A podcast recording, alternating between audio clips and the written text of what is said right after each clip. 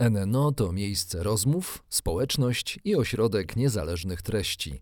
Do rozmów, dyskusji i debat prowadzonych w NNO zapraszamy przedstawicielki i przedstawicieli szeroko rozumianej nauki. Filozofów, etyków, psychologów, socjologów, działaczki i działaczy praw człowieka, ekologów oraz liderki liderów biznesu. NNO po stronie odpowiedzialności.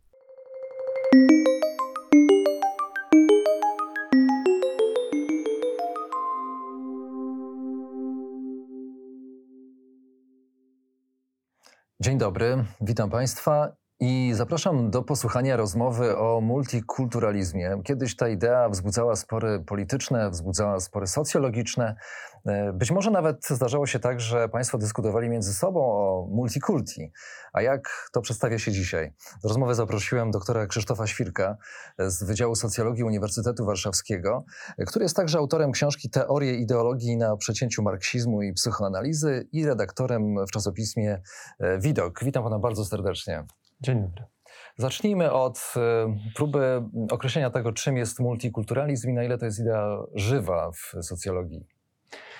Można powiedzieć, że to jest idea, którą można rozumieć albo w takim węższym sensie, albo szerszym. W węższym sensie to jest pewna polityka, która dąży do tego, żeby e, w pewnym sensie zarządzać sytuacją, w której w jednym społeczeństwie mamy osoby pochodzące z różnych um, miejsc, z różnych kultur, z różnych religii, e, posługujące się czasami innymi językami, należące do innych tradycji. E, I w tym sensie to jest, e, to jest idea, która dąży do stworzenia właśnie takich polityk publicznych, które będą zapewniały, że te osoby będą mogły żyć w danym społeczeństwie i będą mogły rozwijać, rozwijać jakąś specyfikę kulturową, w sposób, który nie jest e, niszczący, szkodliwy dla innych. Ale w takim szerszym sensie i ciekawszym dla mnie, e, to jest po prostu reakcja na e, sytuację globalizacji. To znaczy, mamy do czynienia z nowym społeczeństwem, i w tym nowym społeczeństwie jest jasne, że będziemy mieli do czynienia z innym poziomem różnorodności kulturowej. To już nie będą społeczeństwa homogeniczne, ale społeczeństwa, które się E, dużo komunikują z innymi, które są bardziej mobilne i w związku z tym bardziej zróżnicowane. I w tym sensie multikulturalizm, w takim szerszym właśnie rozumieniu, to była reakcja na pewną zmianę społeczną, która się odbywała i dla której bardzo ważnym kontekstem była globalizacja. I z tym są związane i w pewnym sensie taka istotność tego tematu, e, i ryzyka z, e, z, nim, związane. Czy w związku z tym można pomyśleć, że stopień zaawansowania Y, społecznego pod względem multikulturowości oznacza stopień zaawansowania pod względem globalizacji. To znaczy, my będziemy społeczeństwem globalnym, im więcej będzie w nas tolerancji właśnie dla, dla odmienności i dla różnic. E, myślałem o tym w trochę innym sensie, to znaczy takim, że globalizacja jest pewnym procesem, który następuje tak czy owak, czy tego chcemy, czy nie, i ona jest związana z tworzeniem globalnego rynku. Globalny rynek wymaga przepływu informacji, wymaga przepływu kapitału, wymaga większej mobilności ludzi, przepływu idei itd. Tak itd. To powoduje także mobilność w ramach różnych populacji. Nie tylko przenoszenie się ze wsi do miast, co obserwujemy w społeczeństwach rozwiniętych od XIX wieku, ale także sytuacje, w której ktoś na trochę, na dłużej, na stałe przenosi się w zupełnie inne miejsce i czasami to dotyczy jakichś całych części populacji, tak? Czyli mamy całe e, sektory populacji, e, które pochodzą z no, innego kontekstu kulturowego. I teraz to jest pewne wyzwanie związane z szerszymi zmianami społecznymi. Czyli e, dla socjologów, którzy pisali o tym w latach 80., 90., to była kwestia tego, że społeczeństwa będą w, będą musiały mierzyć się z innym poziomem ryzyka, będą musiały mierzyć się z innymi wyzwaniami, będą też innymi społecznościami. To będą społeczności tworzone przez bardziej zindywidualizowane jednostki.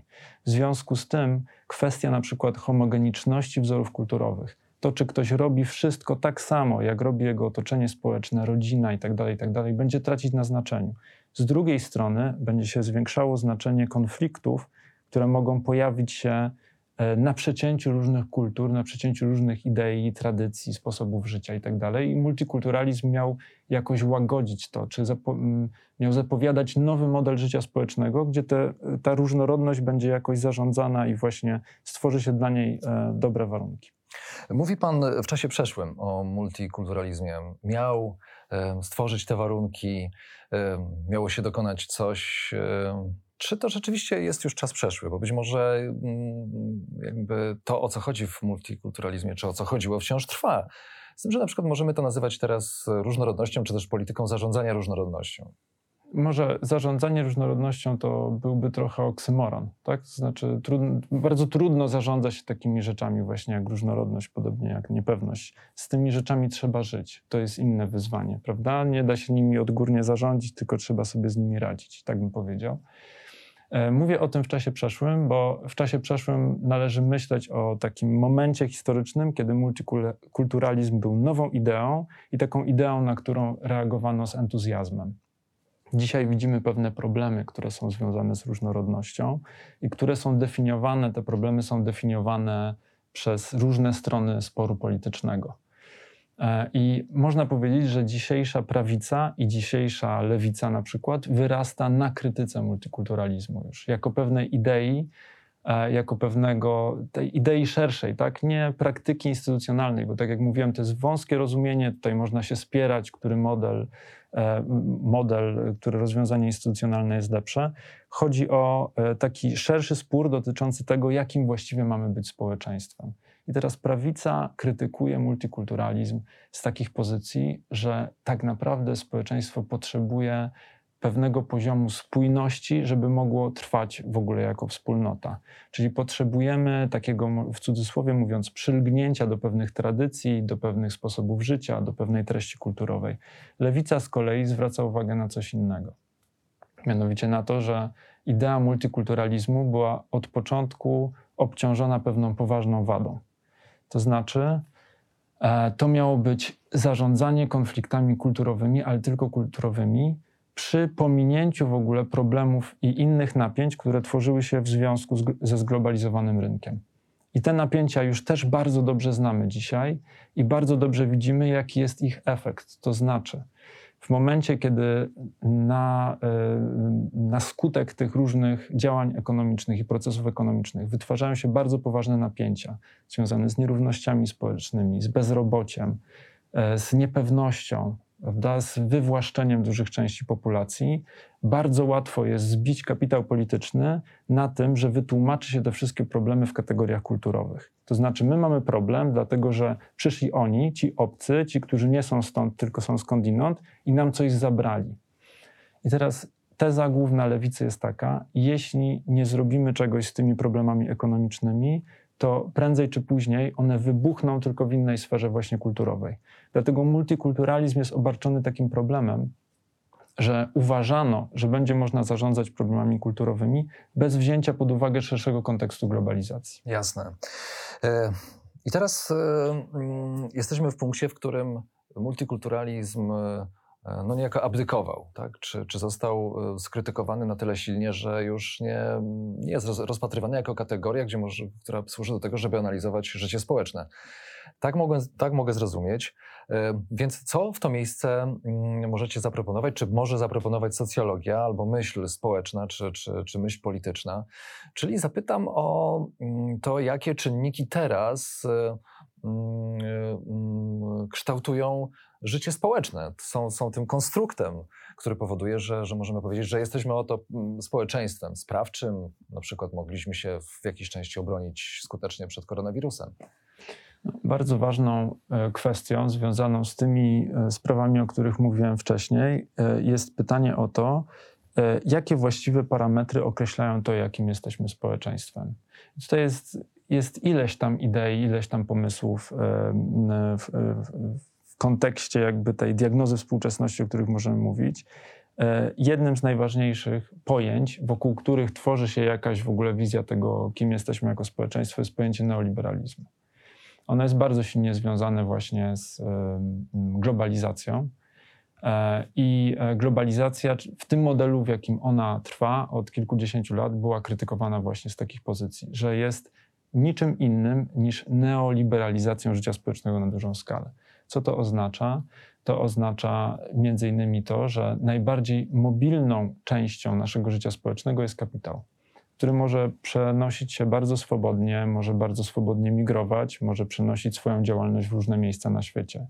To oznacza, że zniszczono warunki czy podstawy życia społecznego w wielu miejscach na świecie po to, żeby zrekonstruować je gdzie indziej. Na przykład tam, gdzie, są, gdzie jest niższa ochrona pracy, gdzie ludzie pracują taniej, gdzie można taniej wytwarzać towary i w związku z tym y, mieć wyższe zyski.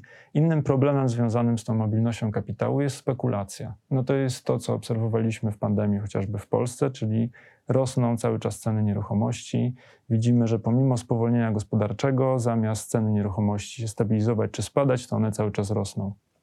Niektórzy mówią o spekulacji, prawda? No to jest właśnie siła kapitału, który spekulacyjnie na przykład zawyża jakieś ceny w jednym miejscu, tam gdzie jest mu to na rękę i Jakie są konsekwencje życia w neoliberalizmie w, w, według Pana?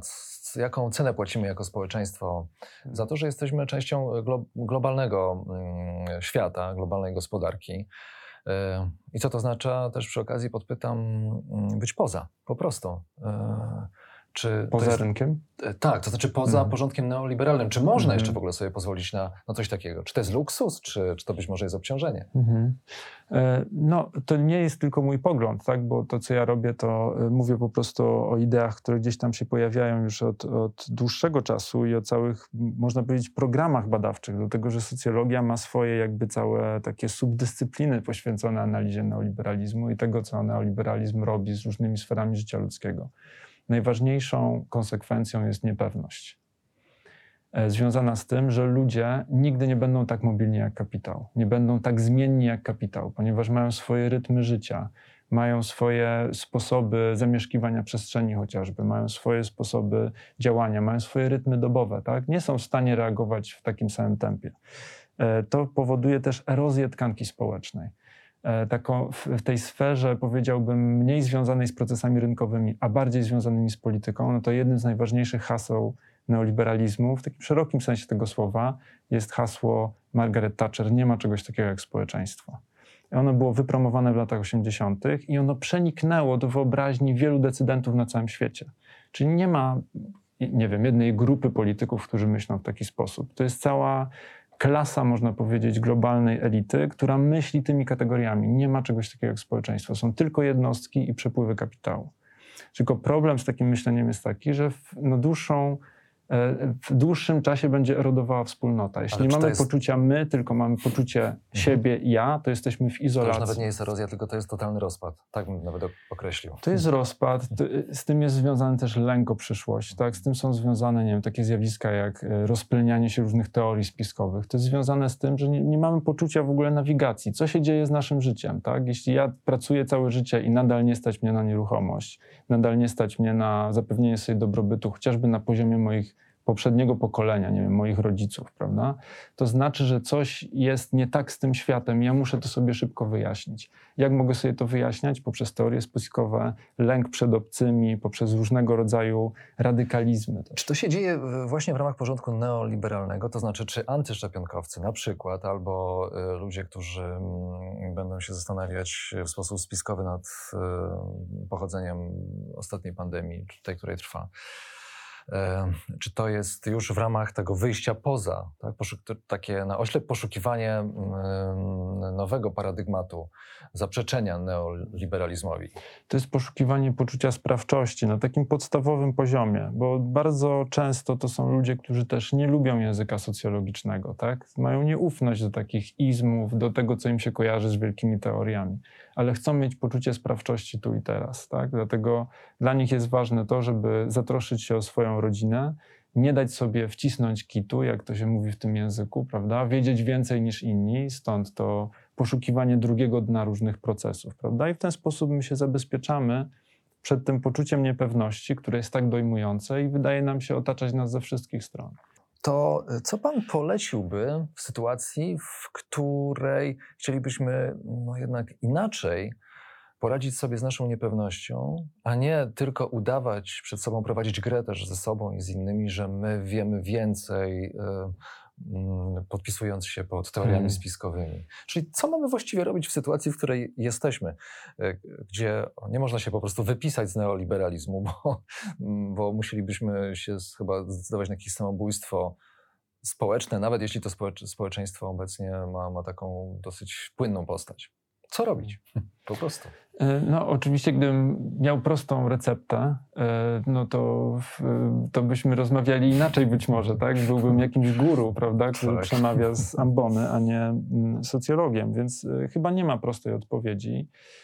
Różne są pomysły na to. Jedno, jednym z pomysłów jest rekonstrukcja języka politycznego, którym się posługujemy. To znaczy, jeśli posługujemy się językiem, w którym na pierwszym planie jest nadal jednostka, no to jest to przepis na porażkę, rzecz jasna. E, jednym z pomysłów jest to, żeby zrekonstruować gdzieś to poczucie wspólnoty. E, kontekstem dla tego chociażby jest katastrofa klimatyczna i też na tym tle się szuka jakiegoś nowego pojęcia wspólnotowości, na przykład współzależności, troski o siebie, troski o nasze środowisko. To poczucie troski to jest też poczucie tego, że jesteśmy związani z innymi ludźmi i że mamy o co dbać. I na tej podstawie mo może już się tworzyć poczucie czegoś więcej niż po prostu samotnej jednostki, która walczy o przetrwanie. Mhm. E, a jeszcze podpytam Pana o media elektroniczne, bo wydaje się, że mm, posiadając smart, smartfon i, i, i, dostęp do całej, mm, całej, całych grup społecznych, które, które mają które są zbudowane z setek, tysięcy nawet jednostek. Czy na tej, mając taką platformę, nie możemy po prostu odpowiedzieć sobie na pytanie, e, jak się pozbyć niepewności, jak zrekonstruować społeczność? Mając takie medium, możemy stworzyć nowoczesne społeczeństwo, które będzie spójne, nie będzie pozbawione tych lęków, o których Pan mówi. E, trudno sobie wyobrazić, w jaki sposób mielibyśmy to zrobić, tak? dlatego że to są narzędzia, które rzeczywiście służą komunikacji, E, ale tak naprawdę są tylko narzędzia technologiczne. E, to, e, o co powinniśmy zapytać, to powinniśmy zapytać o status sfery publicznej dzisiaj, szerzej.